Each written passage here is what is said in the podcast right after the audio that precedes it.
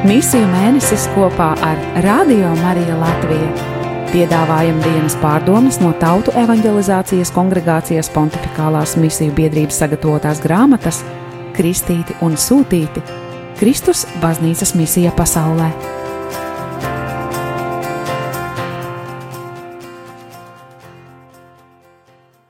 25. oktobris, piekdiena, parastā liturģiskā laika 29. nedēļa. Svēto rakstu lasījumi no vēstules romiešiem 7. nodaļas, no 8. līdz 25. pantam, 119. psalms un Lūkas evaņģēlija 12. nodaļa no 54. līdz 59. pantam.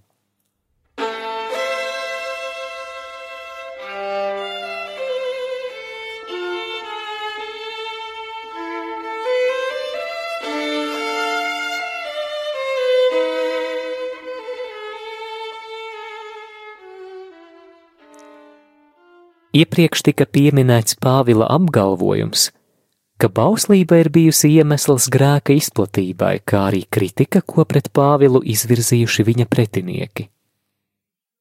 Apustuļa mērķis ir vienkārši norādīt, ka bauslībai pašai par sevi nav spēka pārveidot un izglābt cilvēku. Tā parāda tikai to, kas ir pareizi un kas nepareizi, un galu galā tā tikai izceļ visus trūkumus. Tāpēc Pāvils nešaubīdamies saka, ka bauslība ir laba un svēta, bet problēma ir tajā, ka caur to grēks, baušļa pārkāpums, izpaužas visā tā smagumā. Bauslība cilvēku priekšā noliek dzīves ceļu un nāves ceļu.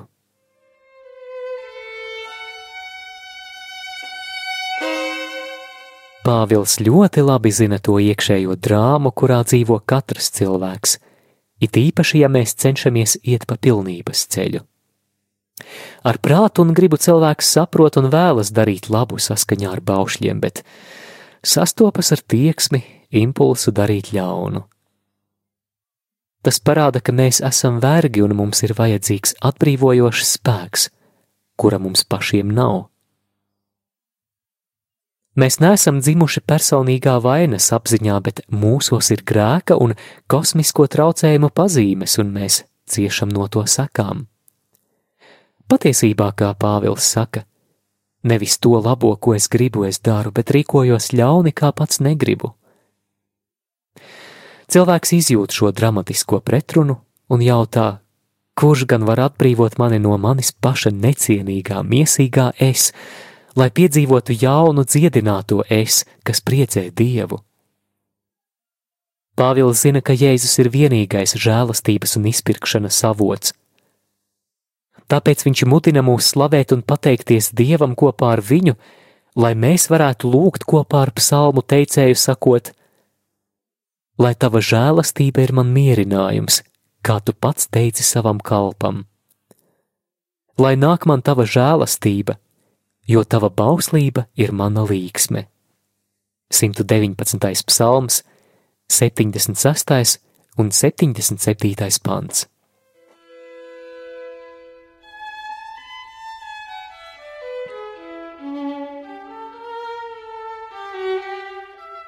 Tam, kurš uzticīgi ievēro likumu, ir jābūt ļoti uzmanīgam, lai neiekristu smagā lepnības grēkā kā piemēram templī esošais farizējs, kurš, nicinot citus, uzskatīja sevi par taisnu dieva priekšā, un nonāca pretrunā ar to, ko saka raksti.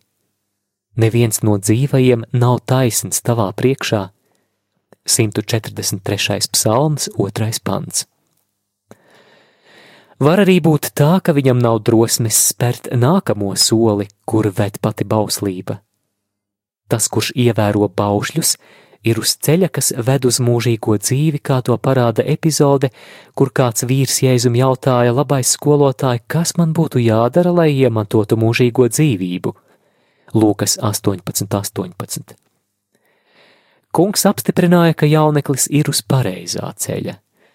Ir tā, ka šis ceļojums viņu bija aizvedis pie Jēzus, lai turpinātu savus meklējumus, jo pats Jēzus ir ceļš un dzīvība. Un durvis, lai ieietu valstībā. Kad Pāvils žēlastības gaismā to saprata, viņš nešaubījās sekot Jēzus ceļā ar visu savu spēku, ar visu sirdi un visu savu prātu. Bet jauneklim, kurš bija ļoti bagāts, nebija tik daudz drosmes.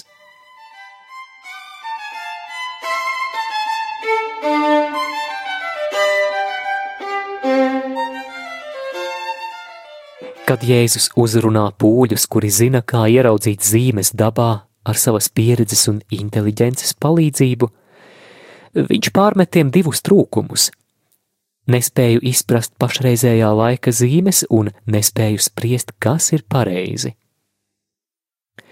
Viņi var interpretēt chronoloģisko un meteoroloģisko laiku, bet viņi nespēja uztvert pestīšanas laika klātbūtni. Savā uzrunā Nāceretes sinagogā citējot pravieti Isaju Jēzus bija paziņojis, ka viņš atklāja tā kunga gadu pestīšanas šodienu, kurā rakstu apsolījumi tiek piepildīti. Salīdziniet Lūkas evaņģēlie 4. nodaļu. Sākot no tā brīža, viss, ko Jēzus teica un darīja, bija nenogurstoša evanģelizācijas misija. Daudzi cilvēki, kas viņā klausījās un redzēja viņa darbus, bija pārsteigti un godināja Dievu, sacīdami: Mēs šodien esam redzējuši brīnumainas lietas. Lūkas 5, 26. Jāņa Kristītāja mācekļiem, kuri viņam vaicāja, vai viņš tiešām ir mesija, jeb viņam ir jāgaida kāds cits, Jēzus atbildēja, norādot uz sava evanģelizācijas darba augļiem – akli redz, kropli staigā, spitālīgi top šķīsti un kurli dzird, mirušie augšām ceļas un nabagiem tiek sludināta prieka vēsts. Lūkas 7, 22. Un ja no vienas puses Jēzu vajā politiskās un reliģiskās autoritātes, varenie un zemju īpašnieki, kuri nepazīst grēku nožēlu un atsakās no jebkuras atgriešanās iespējas, No otras puses viņš ir gandarīts sajust prieku un vienkāršību no tiem pazemīgajiem, kuri pieņem viņa vārda gaismu un kļūst par viņa mācekļiem, lai ienāktu valstībā. Tāpēc Jēzus, līksmojot svētajā garā, slavē un pateicas tēvam, kurš ir paslēpis šīs lietas no mācītājiem un gudrajiem, un ir tās atklājis mazajiem.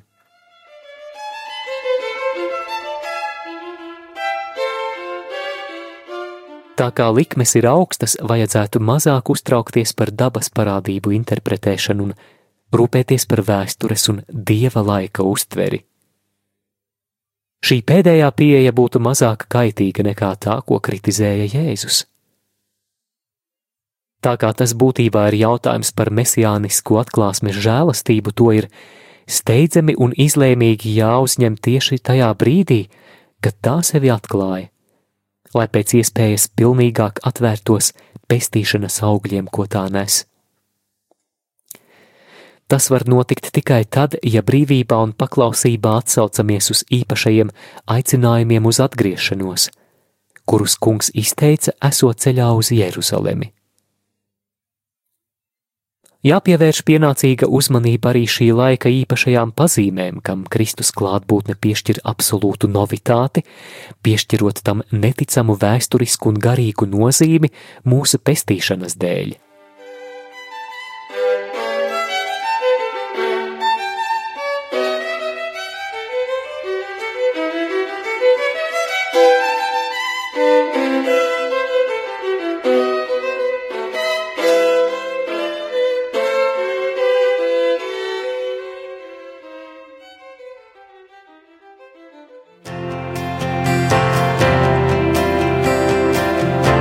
Dzirdējāt dienas pārdomas no Tautu evanģelizācijas kongregācijas pontificālās misiju biedrības sagatavotās grāmatas Kristīti un Sūtīti - Kristus baznīcas misija pasaulē.